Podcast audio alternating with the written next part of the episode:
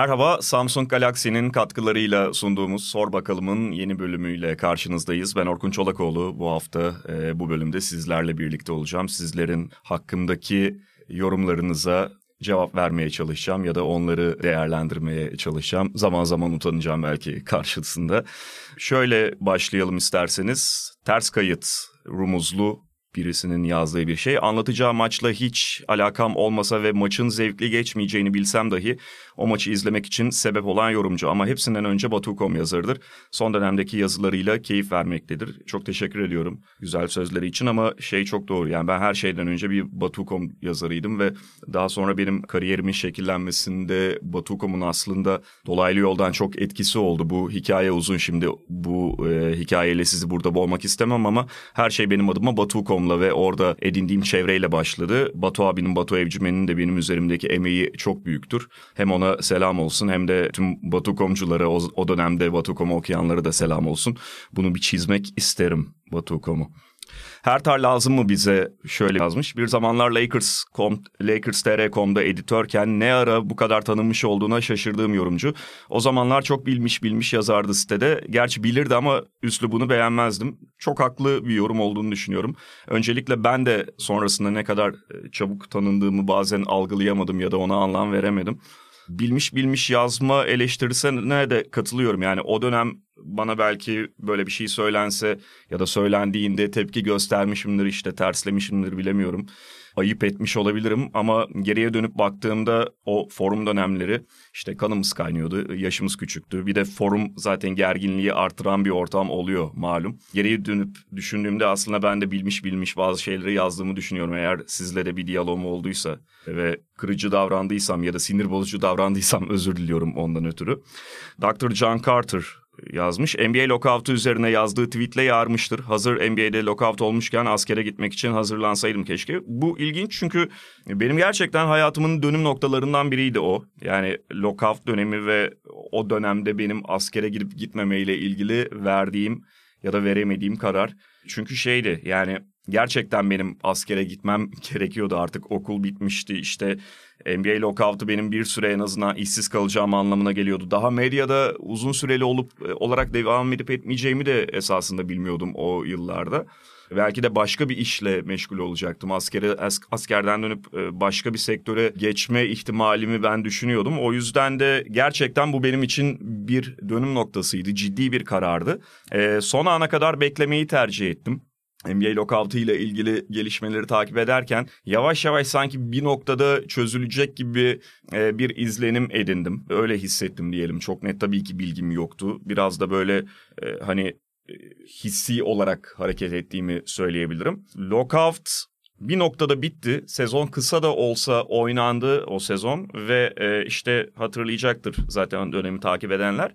2011'in Noel döneminde yeni sezon başlamıştı. Ben yeni bir kanala geçtim. Yayın hakları zaten el değiştirdi. Yeni bir kanala geçtim. Oradan sonra da zaten daha aslında sahiplenerek ya da daha e, tamam ben bu işte devam edeceğim, bu meslekte devam edeceğim diyerek e, spikerliğe devam ettim. Benim adıma gerçekten kritik bir dönemde onu söyleyebilirim.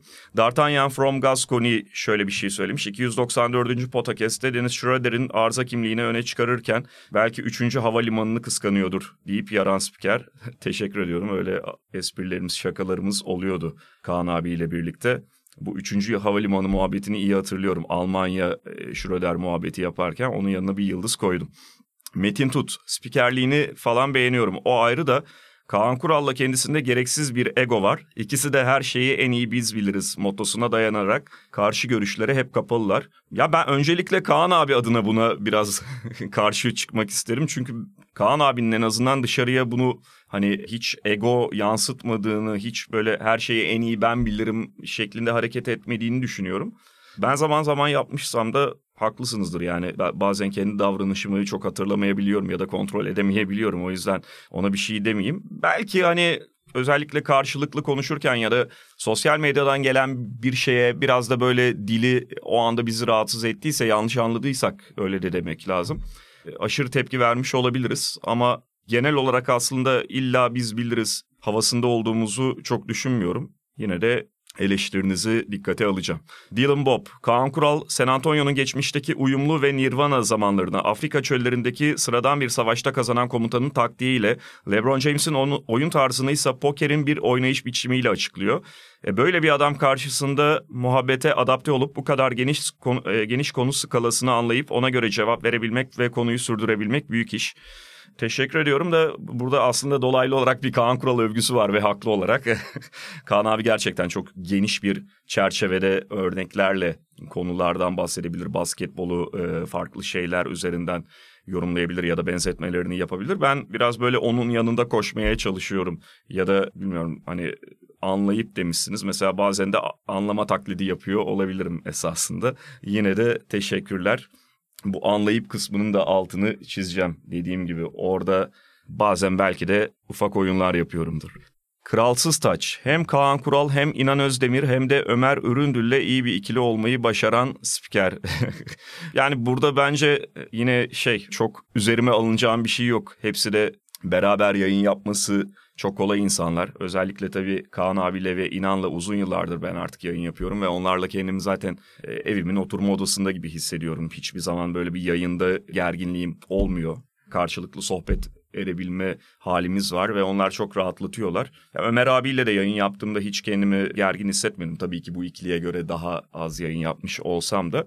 Ve dediğim gibi yani Burada biraz tabii spor çeşitliliği de var ama ben zaten hani futbol, basketbol anlatıyorum. Bunu da dünyanın en önemli işi gibi görmüyorum ve bu kişilerle özellikle saydığınız kişilerle bir yayın partneri olmak e, aslında çok da zor bir şey değil. Onların da kolaylaştırdığı bir durum. Skitishvili, güzel. Herhalde şey eskilerde alınmış bir nick olsa gerek. Ama yazdıkları benim hakkımda olumlu değilmiş. Kötü değil, rezalet bir spor spikeri. Mümkünse sadece podcast'te kalan kurala katılıyorum. Evet, çok doğru vesaire desin ve arada aşığı oldu Pau Gasol'ü övsün.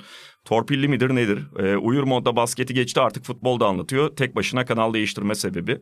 Üzgünüm yani memnun edemediğim için ama yani spikerlikte özellikle bu tip farklı yorumlar gelebiliyor. Bir tarz, bir kişinin tarzı herkese hitap edemez zaten. Onu söylemek lazım yani sadece bu e, yorum özelinde söylemiyorum. E, ben her zaman aslında yaptığım işle ilgili şunu düşündüm. Elbette daha fazla insanı memnun ediyor olmayı isterim. Edemediğimde ya da, da eleştirilerin, olumsuz yorumların sayısının arttığı bir noktada ben zaten kendimi sorgulamaya iyiden başlarım.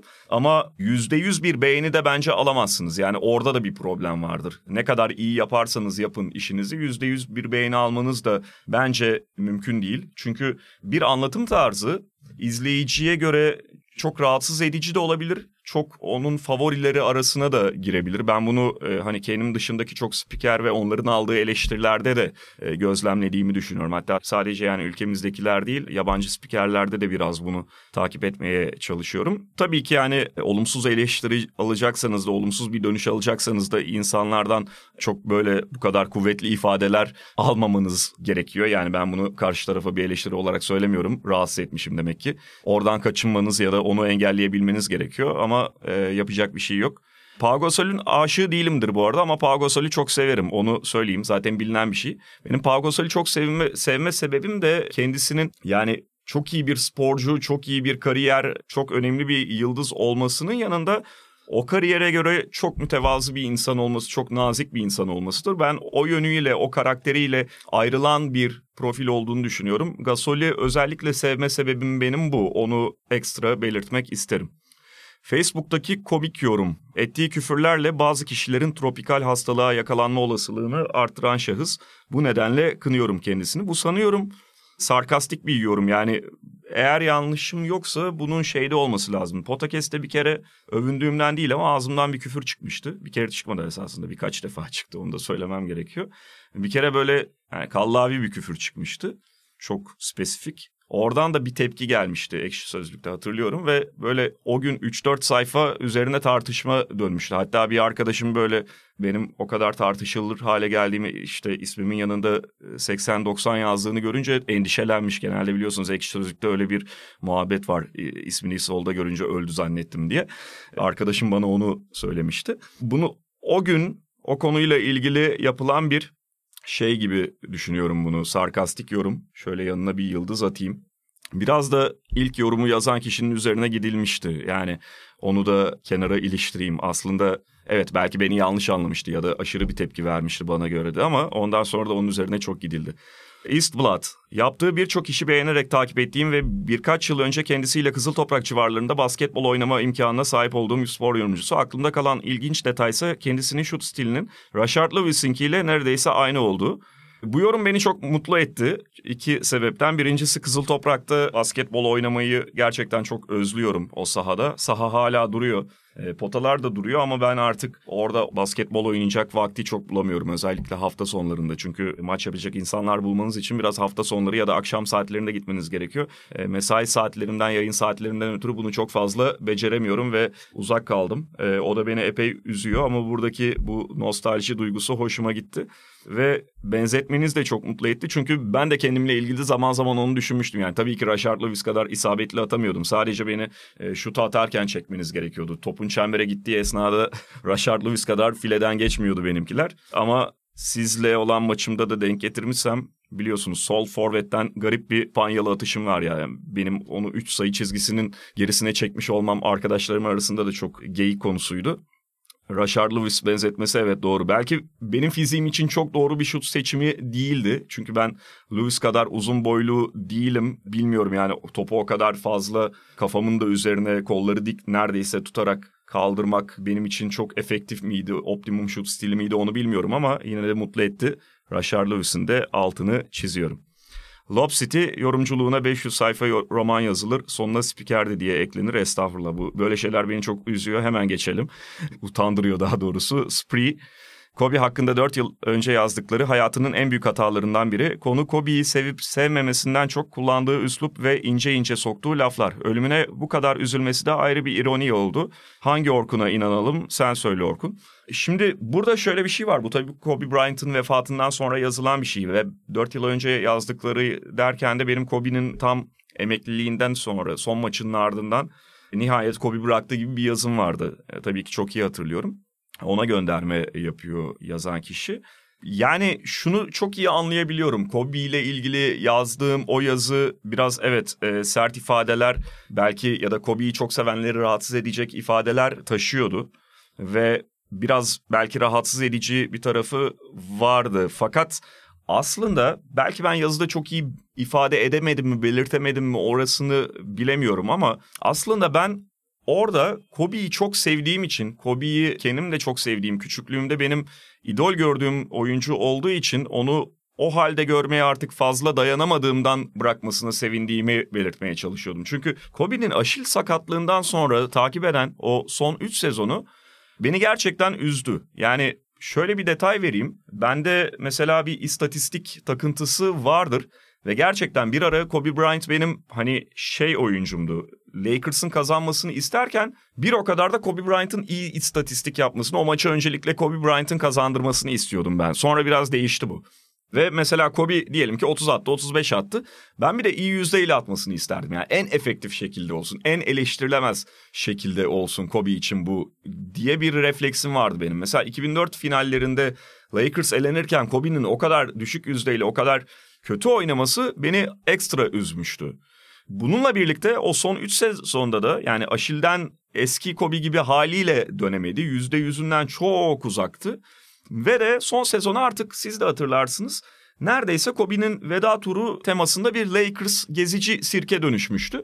O sezondan hiç keyif almamıştım ben. Takım içerisindeki genç oyunculara da bunun katkısı olmadığını düşünüyordum.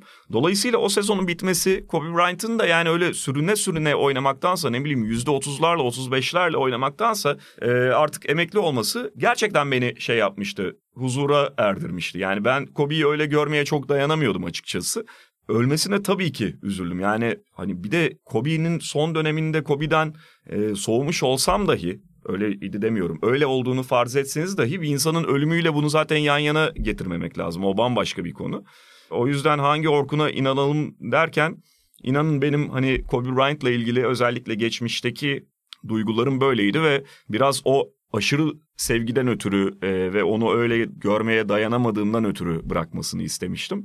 E, ama dediğim gibi belki de kendimi o yazıda çok da iyi ifade edemedim. O konuda da eleştirilerinizi almam lazım. Tek yol devrim tipi Amerikan filmlerindeki seri katillere benzeyen kaliteli bas basketbol spikeri. Bunu da çizmek isterim. Çünkü buna benzer şey de görmüştüm. Biraz böyle benim soğuk bir mizacım var. Hoşnut olmadığım. Yani beni olduğumdan farklı bir insan gibi zaman zaman yansıtabiliyor. Bir okul arkadaşım da sen Rus askerlerine benziyorsun gibi bir şey söylemişti. O da çok olumlu anlamda söylememişti. Özellikle NBA maçlarını onunla izlemek büyük keyif oluyor. Seviyoruz seni bebek yüzlü katil tipli efendi insan. Teşekkür ediyorum. Ee, Urbekli 10 numara adam ama şu Yahoo Fantasy'de tanking olayını artık bırakmanın nereye kadar trust process yani. Yani evet bildiğiniz gibi aslında tanking yapmıyorum. Tanking demek isterdim buna ama yukarıda Allah var. O yüzden e, umarım bu sene o playoff suzluk serisini kırabileceğim. Sahadaki adam. Kendisiyle Taksim'de bir kahve içip röportaj yapmışlığım da var. Ee, sağ olsun çok kibar ve bonkör biriydi. Siz öğrencisiniz deyip kahve ısmarlamıştı. Dönüşte birlikte metroya yürümüştük. Ee, ben teşekkür ederim yani kahve bir şey değil. Ee, tabii ki ısmarlayacağız. Ee, burada da bir şey çizmek istemedim böyle çok fazla övgü var utandırdı. Bene bene. E, maç boyunca maçı anlatmak yerine izleyenlere Kobe hakkında İnan Özdemir'le birlikte anlattıklarıyla gece vakti ekran başındaki insanlara adeta terapi uygulayan güzel insan. E, üzüntümüzü tek başımıza yaşamak yerine birlikte paylaştık. Bu Kobe'yi maalesef kaybettiğimiz e, akşam olmuştu. Ben burada İnan'ın altını çizeyim. Çünkü e, şimdi bu benim tek başıma aldığım bir karar değil. Bir kere İnan'la maç öncesinde bir saat kadar önce bir araya gelmiştik. Tabii şok içindeyiz yani. E, düşünebiliyor musunuz? Kobe Bryant öldü diye bir haber geliyor. Helikopter kazası. Yani işin dehşet ekstra e, bir tarafı var. E, ve maça girecekken bir anda böyle bir flash haberle e, karşı karşıya kaldık. Ben bir taraftan kanalın e, genel müdürü Emre Bey'i arıyorum. Hani ondan bir e, yönlendirme almaya çalışıyorum ya da şöyle yapalım e, diye onun onayını almaya çalışıyorum. Bir taraftan kanala e, KJ yani altyazı giriyorduk. E, NBA'yi NBA haberlerini takip ediyorum çünkü açıkçası maçların oynamayacağını düşündüm o gece. E, bana çok anlamsız gelmişti. Yani ilk anda ya da e, tahayyül edemedim. Sonra inan geldiğinde ki yaklaşık bir saat vardı maç yayında. Ya karşılıklı oturup bir daha hani ne yapmamız gerektiği üzerine kafa yorduk. Ve o şekilde maçı anlatmanın daha doğru olacağını hissettik. Ya mesela Amerika'da kimse e, maçını bir Lakers anmasına çevirmemişti o gün. O da doğru olabilir. Ben yaptığımız, bizim yaptığımız doğruydu demiyorum ama o gün aldığımız dönüşlerin büyük bölümüne bakarsak sanki Türkiye için hani bizim izleyicimizin e, beklediği de bizden buymuş ya da e, onlara iyi gelmiş. O anlamda içimizi sonrasında hani e, rahat tuttuğumuz, doğrusunu yaptık diyebildiğimiz bir e, şey oldu, anlatım tarzı oldu bizim için.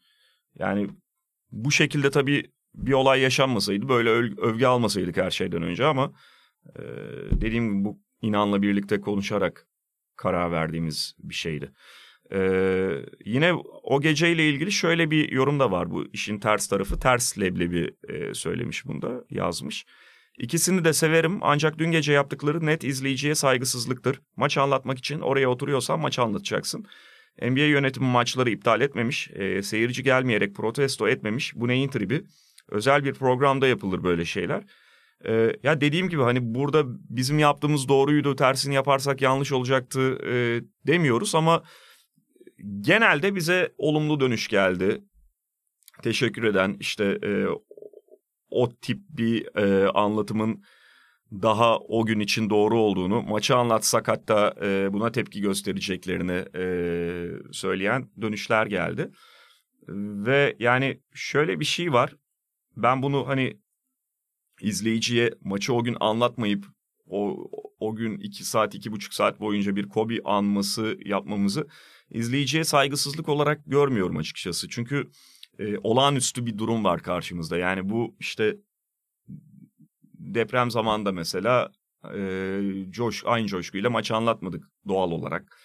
E, burada bir ölüm söz konusu ve ölen insan da yani e, alelede herhangi bir insan değil. E, o ekranın başına o maç için geçen insanların çok büyük bölümüne ilham kaynağı olmuş ya da işte hayranlık duydukları e, basketbol sevgilerinde önemli pay sahibi bir insan.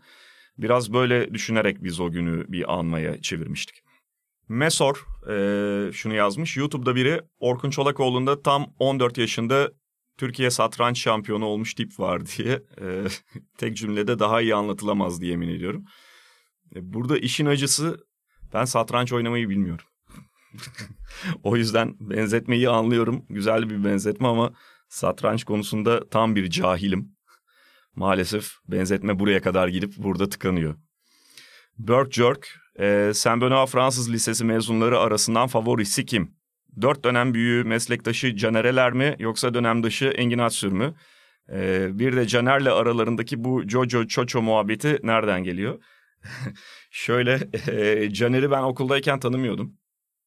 E, Engin'le zaman zaman şey de olduk. Sınıf arkadaşlığımız da oldu. Yani hiçbir zaman çok en yakın arkadaş değildik ama aynı sınıfta e, okuduğumuz 3 sezon 3 sezon ne ya? Yıl falan vardır. E, dönem vardır.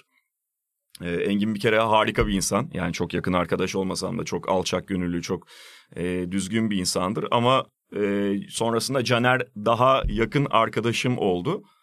E, eğer ikisi arasında birini seçmem gerekiyorsa buraya bir Jojo yazayım isterseniz. Canereler benim için. Ama tüm mezunlar arasından favori orayı biraz düşünmem gerekiyor. Hmm, aklıma şimdi gelmedi yani kimseyi de ayıp etmek istemem. Önemli mezunlar vardı. Jojo Çoço muhabbeti nereden geliyor? Valla ben de hatırlamıyorum işin aslı. Yani ee, şöyle olması lazım. En geriye buna dair gittiğimde zihnimde biz Caner'le birlikte NBA maçlarını D-Smart'ta anlatırken işte gecenin bir vakti yani gecenin bir vakti bilinciniz yarı açık oluyor zaman zaman uykuya bağlı olarak. Ee, çok normal davranamayabiliyorsunuz. İşte Caner'le e, molalarda mesela devre arası yiyeceğimiz simidin hayalini kuruyorduk. İşte kaç simit alalım falan bu hesaplara giriyorduk. Uykudan bazen ekstra saçmalayabiliyorsunuz. Molalarda sürekli yine YouTube'da saçma videoları izlerdik. Herhalde orada çıkmış bir şeydi Jojo. Yani en uzak oraya kadar gidebiliyorum. Bir Jojo falan diye bağırıyorduk birbirimize. Öyle uzandı. Çok da e, böyle şey net bir hikayesi oturduğu bir şey yok maalesef. Hasan Martin Uğur Ozan'la beraber NBA fantezi programına uzun saatler hazırlanıyorlar gibi. Bize bu hazırlığın inceliklerini anlatabilir mi? Ben burada da bir ironi seziyorum. Yine sarkastik bir yorum gibi. Ee, zaman zaman çünkü çok hazırlıksızlığımız NBA fantezide belli oluyor. Yani bazen o doğaçlama hal e, amaçladığımız bir şey oluyor. Hiçbir zaman çok çok uzun bir hazırlık yapmadık. Yani programa dair tabii ki belli bir hazırlık gerekiyor ve o hazırlığı yaptığımız da oluyor ama programa dair aslında en uzun hazırlığımız e, şey oldu. Bu sünnet kuşağı almıştık maşallah diye hatırlarsınız. Onu almaya çalışırken internetten işte alıyorduk. Bulmaya çalışırken epey vakit harcadım ben. Çünkü e, bulduğum şeyler işte e, ya stokta yoktu. Çok küçük geliyordu bir tanesi çocuk boy olduğu için. E, yine aldığımızın da bize oturacağı konusunda üstümüze olacağı konusunda ciddi e, şey yapmıştık. E, şüpheler duymuştuk. O yüzden hani epey e, vakit harcamıştım. Birkaç günümü almıştı diye hatırlıyorum o maşallah kuşağını bulmak. E, bunun gibi bir, birkaç tane program hazırlığımız oldu. O, o A takımı şapkalarına da belli bir e, araştırma yapmamız gerekti. Oraya da bir A yazalım isterseniz. A takımını simgeleyen ve şey aslında en çok hazırlığı bunlara yaptık. Program öncesinde de bazen bir saat falan böyle e, özellikle bir şaka hazırlıyorsak konuğa ona dair mesaimiz oluyor ama hiçbir zaman öyle çok uzun bir projelendirme, e, hazırlanma süremiz olmuyor. Evet yorumlar bu kadar. Ee, sağ olsunlar çoğunlukla olumlu şeyleri seçmiş arkadaşlar. Bu tip şeyler dediğim gibi biraz beni utandırıyor. O yüzden bittiğine de seviniyorum şimdi. Ee, Samsung Galaxy'nin katkılarıyla sunduğumuz Sor Bakalım'ın bu bölümünün sonuna geliyoruz. Tekrar görüşmek üzere.